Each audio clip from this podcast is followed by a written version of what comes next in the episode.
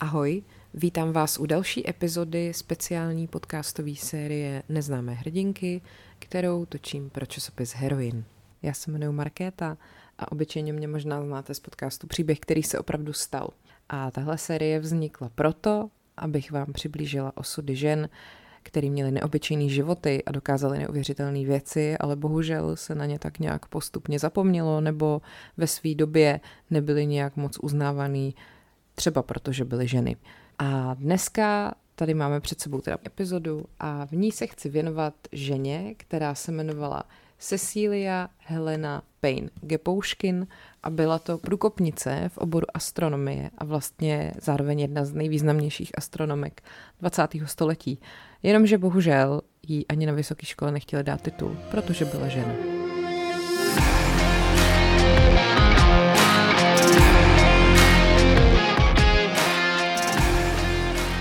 Cecilia Payne, když to zkrátím to její jméno, jako první aplikovala zákony atomové fyziky na studium teploty a hustoty hvězdných těles a zjistila, že hvězdy jsou tvořeny převážně vodíkem a heliem a že se dají klasifikovat podle teploty. Vůbec byla vlastně jedna z prvních žen, která na univerzitě Harvard dosáhla profesorského titulu a dokonce vůbec první ženou, která tady vedla katedru.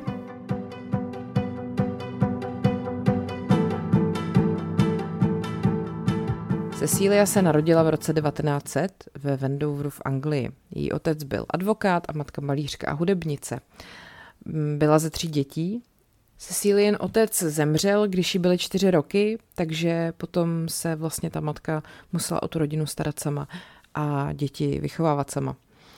Cecília navštěvovala dívčí školu svatého Pavla a potom v roce 1919 získala stipendium na Newnham College na univerzitě v Cambridge, kde studovala botaniku, fyziku a chemii.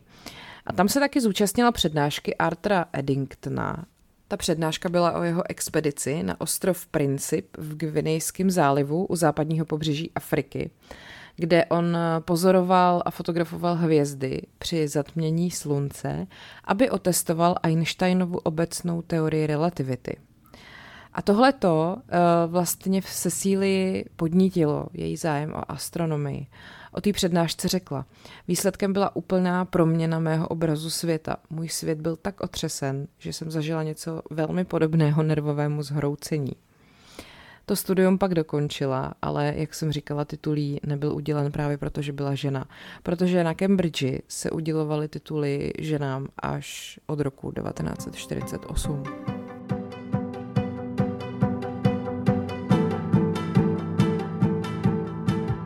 Nicméně teda uh, vlastně Arthur Stanley Eddington, který právě měl tady tuhle tu přednášku, která se síly v podstatě změnila život, on se vůbec jako sám stal průkopníkem ve zkoumání vnitřní struktury hvězd, právě podpořil její ambice a vlastně přijal mezi ty svoje studenty. Nicméně ona právě bohužel jako žena v oboru astronomie, což prostě se tehdy samozřejmě vůbec jako nedělo, eh, čelila spoustě překážek. Profesor Ernest Rutherford, jehož práce třeba pomohla odhalit strukturu atomu, si z ní jako z jediný ženy na svých přednáškách často dělal legraci a ještě tím jako rozesmával svoje mužský studenty. A uh, ona se cítila tím tím jako velmi zlomená ponížená, ale ta láska k astronomii naštěstí pro nás všechny, i tady pro pana skvělého profesora Rutherforda byla větší a vlastně jí pomohla jako překonat tady tuhle tu diskriminaci a šikanu.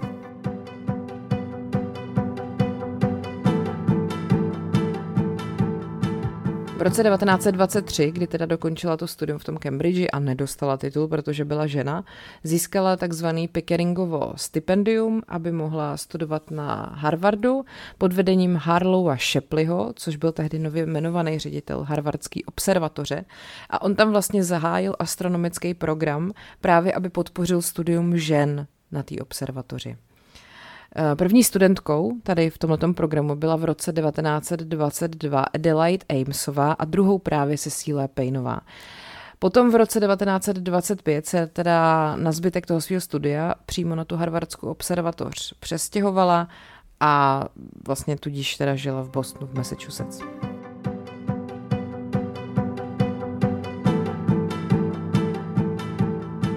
Celkem tam publikovala šest prací o svém výzkumu v oblasti hvězdných atmosfér a na té observatoři právě intenzivně pracovala a ten Shepley se stal jím nadřízeným.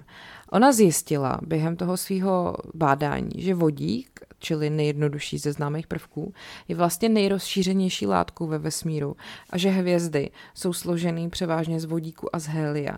A tenhle ten její objev se později stal základem pro analýzu vesmíru. A teď si vemte, že se tohle dělo ve 20. letech 20. století, kdy jako ty lidi, ty astronomové, neměli uh, k dispozici techniku, jakou máme k dispozici dneska, ani náhodou, že jo. Tam možná maximálně to mohli sledovat jako z dálky, rozhodně se tam nemohli podívat jako zblízka, rozhodně tam nemohli nikoho poslat. Rozhodně to nemohli prostě analyzovat tak, že tam pošlou nějaký vozítko, který nabere vzorky a přiveze je zpátky. Takže to všechno byly vlastně jenom takové teorie a dohady, které nebylo možné jako vyloženě empiricky dokázat. Pokud teda zrovna nespadnul nějaký meteorit, ze kterého jste si třeba nevzali kousíček, že jo, tak to asi byla jediná možnost, která se nabízela.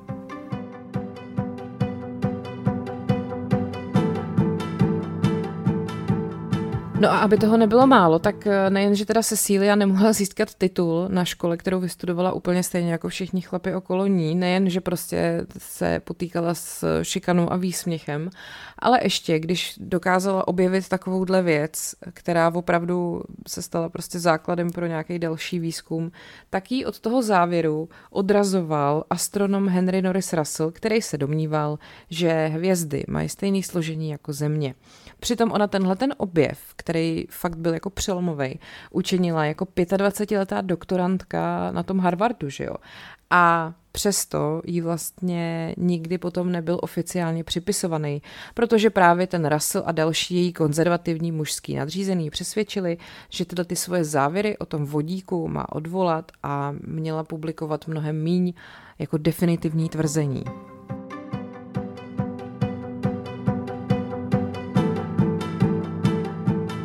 Ta její dizertační práce právě během těch jako recenzí a, a takovýchhle zkoumání uh, prostě přinášela tak jako přelomový ten závěr, že se to prostě těmhle těm jejím mužským kolegům jako nelíbilo, takže protože to vlastně odporovalo tehdy uznávanému názoru, tak uh, ona prostě ten výsledek v té své práci označila za falešný. Přitom sám ten Russell, který ji od toho odradil, jako změnil názor potom o čtyři roky později, Poté, co stejný výsledek odvodil jako pomocí nějakých jiných výzkumů a pak to publikoval a vlastně v té své práci, teda tu její práci nějakým způsobem krátce uznal, ale ty zásluhy za to objevení tady toho složení jsou připisovaný jemu a ne jí.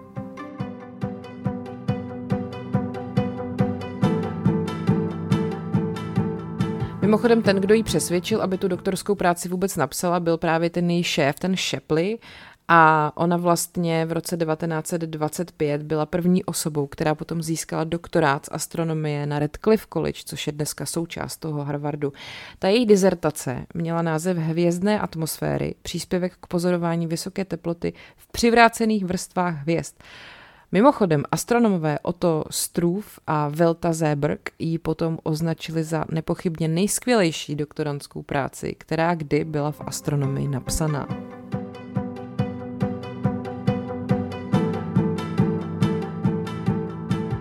Vůbec ta její doktorská práce byla vlastně první prací, která byla napsaná na tohle téma a takovým prvním výzkumem, který aplikoval tehdy nedávnou teorii ionizace, kterou vymyslel indický fyzik Megnat Saha a na té Radcliffeově univerzitě, teda jak jsem říkala, získala ten doktorát.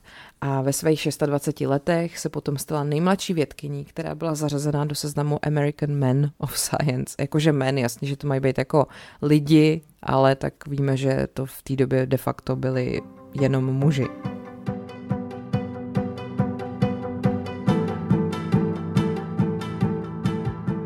V letech 1927 až 1938 potom Cecilia dál pracovala jako Shepleyho technická asistentka na té Harvardské observatoři a během toho období mohla pokračovat v té své práci na hvězdných spektrech a vydala svoji druhou publikaci, která se jmenovala Stars of High Luminosity v roce 1930 a ta věnovala zvláštní pozornost proměným cefeidám a znamenalo to potom počátek Ceciliena zájmu o proměný hvězdy a novy. Já tady říkám takovýhle odborný výrazy, jakože vím, o co jde, ale moc nevím. ale každopádně to rozhodně neznamená, že to měli tehdy podceňovat ty muži, ty současníci té Cecílie. Nicméně ten Šeply, aby toho nebylo málo, jí často bránil v tom, aby používala různý jako novější elektronické přístroje. A byl taky zodpovědný za to, že její jméno vůbec nebylo uvedený v Harvardově nebo v Radcliffeově katalogu. A po letech se dokonce dozvěděla, že jí platil plat, který vlastně byl vedený jako výdaje na vybavení.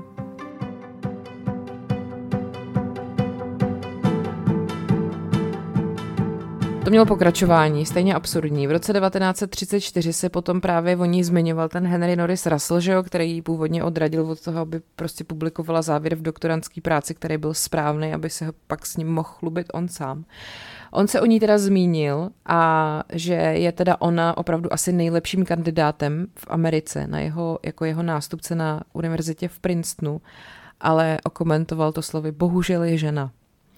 On měl teda velký vliv na rozvoj teoretické astrofyziky v USA a byl právě ředitelem observatoře na Princetonu, ale oni prostě absolutně tyhle ty fakulty jako neuvažovali, že by tam nějakým způsobem mohla žena působit v nějaký vedoucí pozici.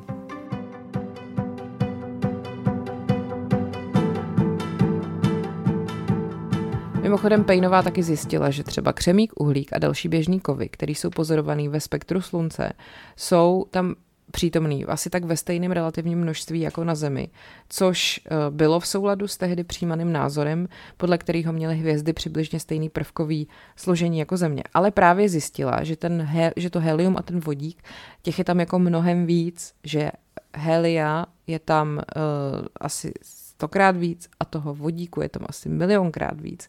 A že právě ten vodík je převažující složkou hvězd a tudíž taky nejrozšířenější prvek ve vesmíru.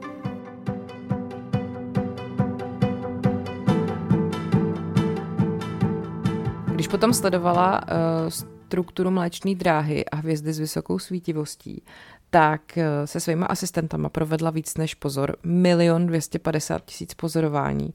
To potom ještě rozšířila a přidala další 2 miliony pozorování proměných hvězd. A tyhle ty údaje potom byly použitý k určení, k určení vlastně drah toho hvězdného vývoje. A během toho pozorování a analýz proměných hvězd ty prováděla vlastně spolu už se svým tehdejším manželem Sergejem Gepouškinem a položili tak základ pro všechny pozdější práce o těchto těch hvězdách.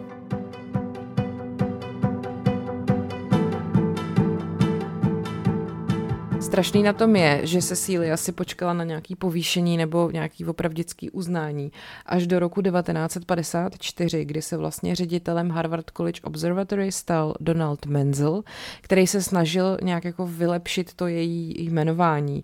A tak se až v roce 1956, čili ve svých 56 letech, stala první ženou, která byla povýšená na řádnou profesorku z řad profesorů Harvardské fakulty umění a věd. A to si vemte, co už všechno měla za sebou, co už dokázala v 26 letech a pak si musela prostě ještě jednou tolik a kus počkat, aby jako někdo ji konečně vzal.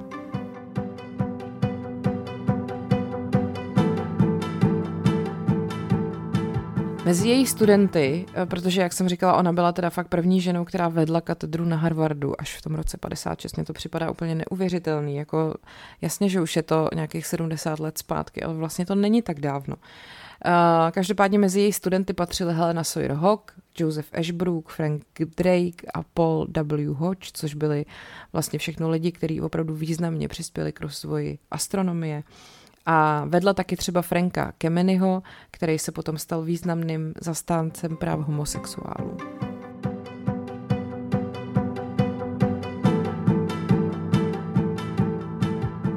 Mimochodem, ještě když se vrátím k jejímu manželovi, ona se vlastně s tím Sergejem Gepouškinem seznámila v Gettingenu, ale on byl ruský astronom a on se právě vlastně kvůli jakoby svým politickým názorům nemohl vrátit do Sovětského svazu, takže ta Cecília ještě zvládla vlastně pro něj najít místo na Harvardu, aby tam mohl s ní zůstat a pak se teda teprve vzali. Další jako šílenost je, že třeba ona už v roce 38 byla jmenovaná lektorkou astronomie, ale přestože ty kurzy vedla, tak v harvardském katalogu je uvedli až v roce 1945. Jo. A to je prostě univerzita, rozumíte, kde jinde by měli mít jako open mind a prostě ne. Ne, ne, ne, ne, ne.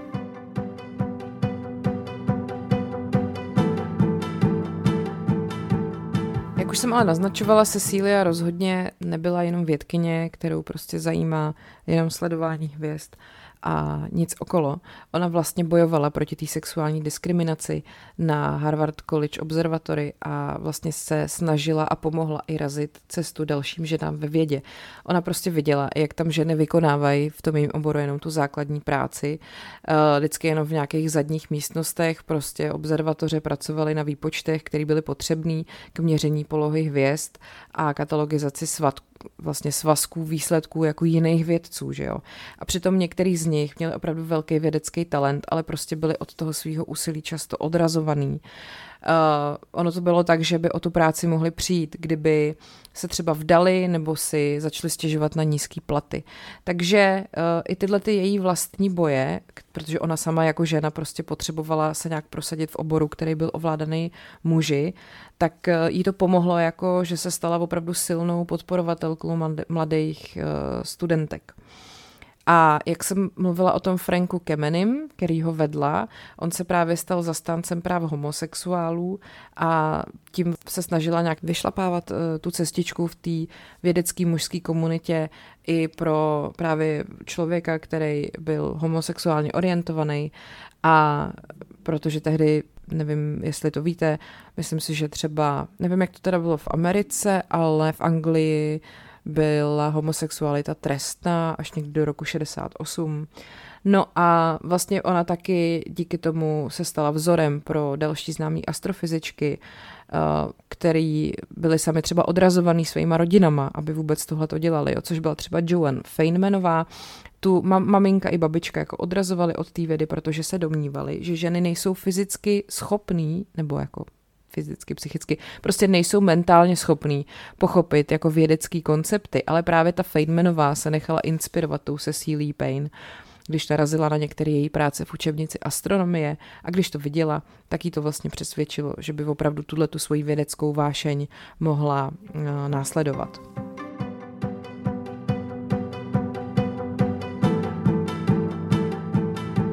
Cecília byla opravdu neúnavná badatelka s ohromnou pamětí a encyklopedickýma znalostma vědy a velkou část svého výzkumu věnovala studiu hvězdných velikostí a vzdáleností. Z aktivní pedagogické činnosti potom odešla v roce 1966 a pak byla jmenovaná emeritní profesorkou Harvardu a ve svém výzkumu potom pokračovala jako pracovnice Smithsovy astrofyzikální observatoře. 20 let redigovala časopisy a knihy, které ta Harvardská observatoř eh, vydávala. Od těch 20.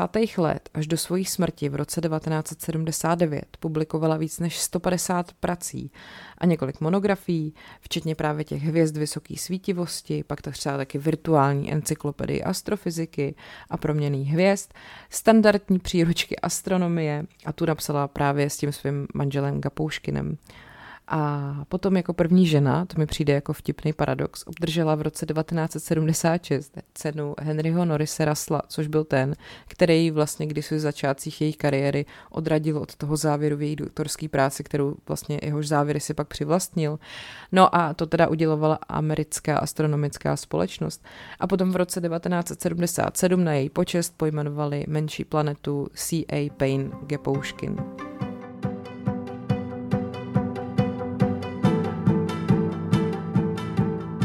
Cecília Penge Pouškin navíc teda, eh, kromě toho, že bořila mýty, co se týká nějakého vnímání žen ve vědě, tak se taky odmítla vzdát svoji kariéry v době, kdy se to od vdaných žen očekávalo, protože šokovala svoje nadřízený tím, že přednášela během toho, co byla v pátém měsíci těhotenství, prosím vás.